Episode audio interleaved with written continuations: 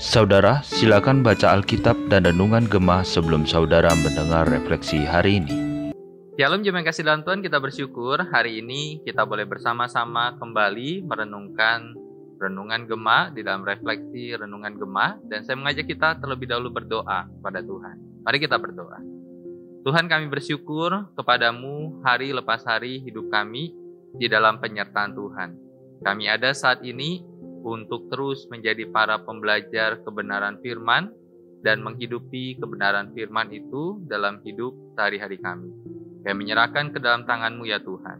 Di dalam nama Tuhan Yesus kami berdoa dan bersyukur. Amin. Terima kasih dalam Tuhan, kita hari ini akan membahas sebuah tema yaitu Parakletos, penolong dari surga. Yang terambil dari Yohanes pasal 14 ayat 15 sampai 17 dan kemudian Yohanes 16 ayat 4b sampai 15. Tetapi saya akan baca satu ayat saja untuk kita dan nanti jemaat bisa membaca di rumah masing-masing. Dari Yohanes pasal yang ke-16 ayat yang ke-13. Dikatakan di sana, tetapi apabila ia datang, yaitu para kletos, yaitu roh kebenaran, ia akan memimpin kamu ke dalam seluruh kebenaran Sebab ia tidak akan berkata-kata dari dirinya sendiri, tetapi segala sesuatu yang didengarnya itulah yang akan dikatakannya, dan ia akan memberitakan kepadamu hal-hal yang akan datang. Ketika kita membaca baik Yohanes 14 maupun Yohanes 16, ini adalah bagian di mana Tuhan Yesus belum di dalam peristiwa ia ditangkap, disalibkan, mati, dan kemudian dia bangkit. Tetapi ini adalah pemberitahuan yang diberitahukan oleh Kristus bahwa nanti kalau dia sudah tidak ada lagi, dia kembali ke surga, maka para murid tidak akan seorang diri. Mereka tidak akan menjadi yatim piatu di dalam menjalani kehidupan ini sebagai para murid, sebagai orang-orang yang diutus, sebagai para rasul, sebagai para pengikut Kristus. Kenapa? Karena Tuhan menunjukkan dan memberikan janji bahwa akan ada parakletos itu, roh penolong, roh kebenaran itu. Ketika kita bicara tentang parakletos, bisa diartikan sebagai penolong. Mempunyai arti bahwa ini berbeda, namun memiliki esensi dan kualitas yang sama. Parakletos adalah sebagai pembimbing atau penghibur yang mendampingi seseorang menempuh perjalanan di dalam kehidupan ini. Dan kita tahu parakletos yang dimaksud oleh Kristus Roh penghibur itu, roh kebenaran itu, roh penolong itu adalah Allah Roh Kudus itu. Apa yang kita bisa maknai? Apa peran dari para kletos di dalam kehidupan orang-orang percaya? Maka di dalam renungan Gemah kita dapati setidaknya tiga peran. Yang pertama, para kletos itu memberi kekuatan di dalam kita menjalani dan melewati setiap pergumulan kehidupan kita. Kita tidak seorang diri, tetapi Allah Roh Kudus menolong kita, memberikan kita kekuatan di tengah-tengah segala situasi yang sulit yang kita bisa jadi alami saat ini maupun ke depan. Bapak yang kasih dalam Tuhan kita tidak tahu dan saya tidak tahu seperti apa pergumulan kehidupan yang kita alami. Tetapi percayalah kita sebagai orang-orang yang telah diselamatkan oleh Tuhan, kita tidak bergumul sendiri. Tetapi para kletos itu, Allah Roh Kudus itu, yang menolong kita, menguatkan kita. Yang kedua adalah para kletos bertujuan untuk memimpin orang percaya mempertahankan kehidupan yang kudus dan berkenan kepada Allah. Karena dia adalah roh penolong itu, roh kebenaran itu. Dan dia akan membawa kita di dalam kebenaran yang dikendaki oleh Tuhan, yang sesuai dengan firman Tuhan.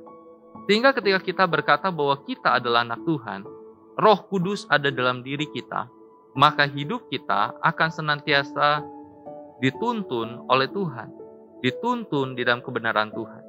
Jadi kalau kita katakan kita orang percaya kepada Tuhan, tetapi hidup kita tidak benar di hadapan Tuhan, hidup kita selalu berkompromi terhadap dosa, maka kita perlu bertanya, benarkah saya adalah anak Tuhan? Dan benarkah Allah Roh Kudus berdiam di dalam diri saya? Karena kalau Allah Roh Kudus berdiam dalam diri saya, para kletos itu berdiam dalam diri kita. Dia akan mempertahankan kehidupan kita, mengingatkan kita untuk kita mempertahankan kehidupan yang kudus dan berkenan kepada Allah. Kemudian yang ketiga adalah para kletos itu menolong kita membakar semangat orang percaya untuk mengabarkan Injil. Dan kita bisa lihat itu di dalam kehidupan para rasul, bukan? Para rasul ketika mereka diutus Tuhan untuk menjadi para pemberita Injil dan hati mereka berkobar-kobar. Salah satu gambaran yang sederhana adalah ketika peristiwa Pentakosta. Ketika Roh Kudus dicurahkan dan Petrus yang dulunya adalah seorang yang penakut, seorang yang begitu cepat berbicara, tetapi setiap pembicaranya cenderung salah. Tetapi ketika Allah Roh Kudus menguasainya dan dia bisa menyampaikan kebenaran firman di dalam khotbah Petrus dan Allah mempertobatkan 3000 orang menerima diri, menyerahkan diri untuk dibaptis. Itulah peran daripada para kletos, yaitu dia memimpin kita untuk mengabarkan Injil. Seberapa kita sebagai orang-orang percaya pun digerakkan oleh Allah Roh Kudus untuk memberitakan Injil Tuhan di dalam hidup kita. Karena itu biarlah kita mempersiapkan hati di dalam peristiwa Pentakosta beberapa hari ke depan. Kita sungguh-sungguh diingatkan, kita tidak sendiri. Kristus tidak pernah meninggalkan kita seorang diri. Tetapi Kristus memberikan roh penolong para kletos itu untuk menuntun hidup kita. Jadi bagaimana dengan kita? Percayalah para kletos pasti menuntun kita ke jalan yang benar, membuka jalan bagi setiap masalah kita, dan menggelorakan semangat untuk kita melayani Tuhan, untuk kita memberitakan kabar kebenaran tentang Tuhan di dalam hidup kita. Amin. Mari kita berdoa. Tuhan kami bersyukur kepadamu, kami tidak sendiri, tetapi Allah menyertai kami, para kletos, Allah Roh Kudus yang menyertai hidup kami di tengah-tengah dunia ini, di dalam perjalanan hidup kami, di tengah-tengah kondisi kami apa pun, kami tidak sendiri di tengah-tengah berbagai tantangan, godaan yang membawa kami, menarik kami untuk melakukan dosa, tetapi kami tidak sendiri. Kami ditolong, diingatkan oleh Allah Roh Kudus, dan di dalam panggilan kami menjadi orang-orang yang dipakai untuk melayani Tuhan.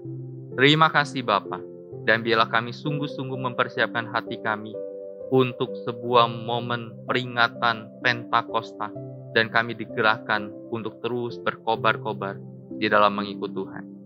Di dalam nama Tuhan Yesus kami berdoa dan bersyukur. Amin. Senantiasa jaga iman kita, senantiasa jaga imun kita. Tuhan memberkati kita. Amin.